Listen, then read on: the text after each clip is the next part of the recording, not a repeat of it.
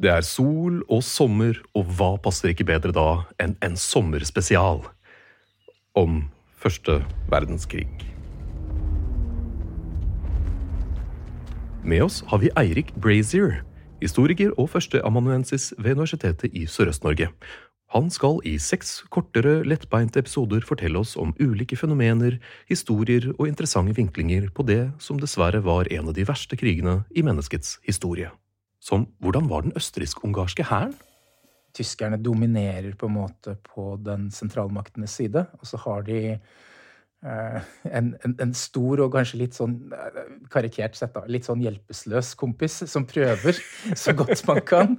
Eh, den østerriksk-ungarske hæren, som var ganske stor, og de går på ganske mange nederlag i, tidlig i krigen, og tyskerne ender opp med på en måte å prøve å hjelpe og sørge for at ikke dette går, går så katastrofalt.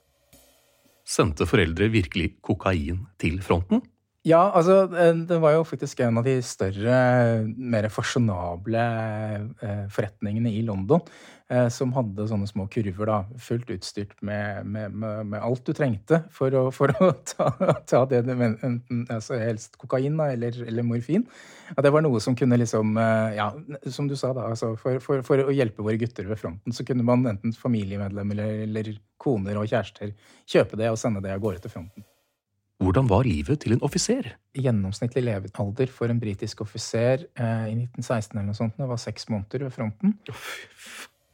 Og hva var greia med tyskernes bunkere? Eh, I, en av bunkerne så hadde de fant de en, en rød plysjsofa eh, som, som, tyskerne hadde hatt med seg, tydeligvis fra et sånt fransk eh, slott eller noe sånt. Eh, og eh, bak den sofaen så fant de en sånn offisersoppvakter eh, som, som, gjemte seg. Så, så, det var nok en litt annen skal vi si, standard da, på, de, på, disse, på akkurat den, den delen av den tyske fronten. God sommer fra oss i England.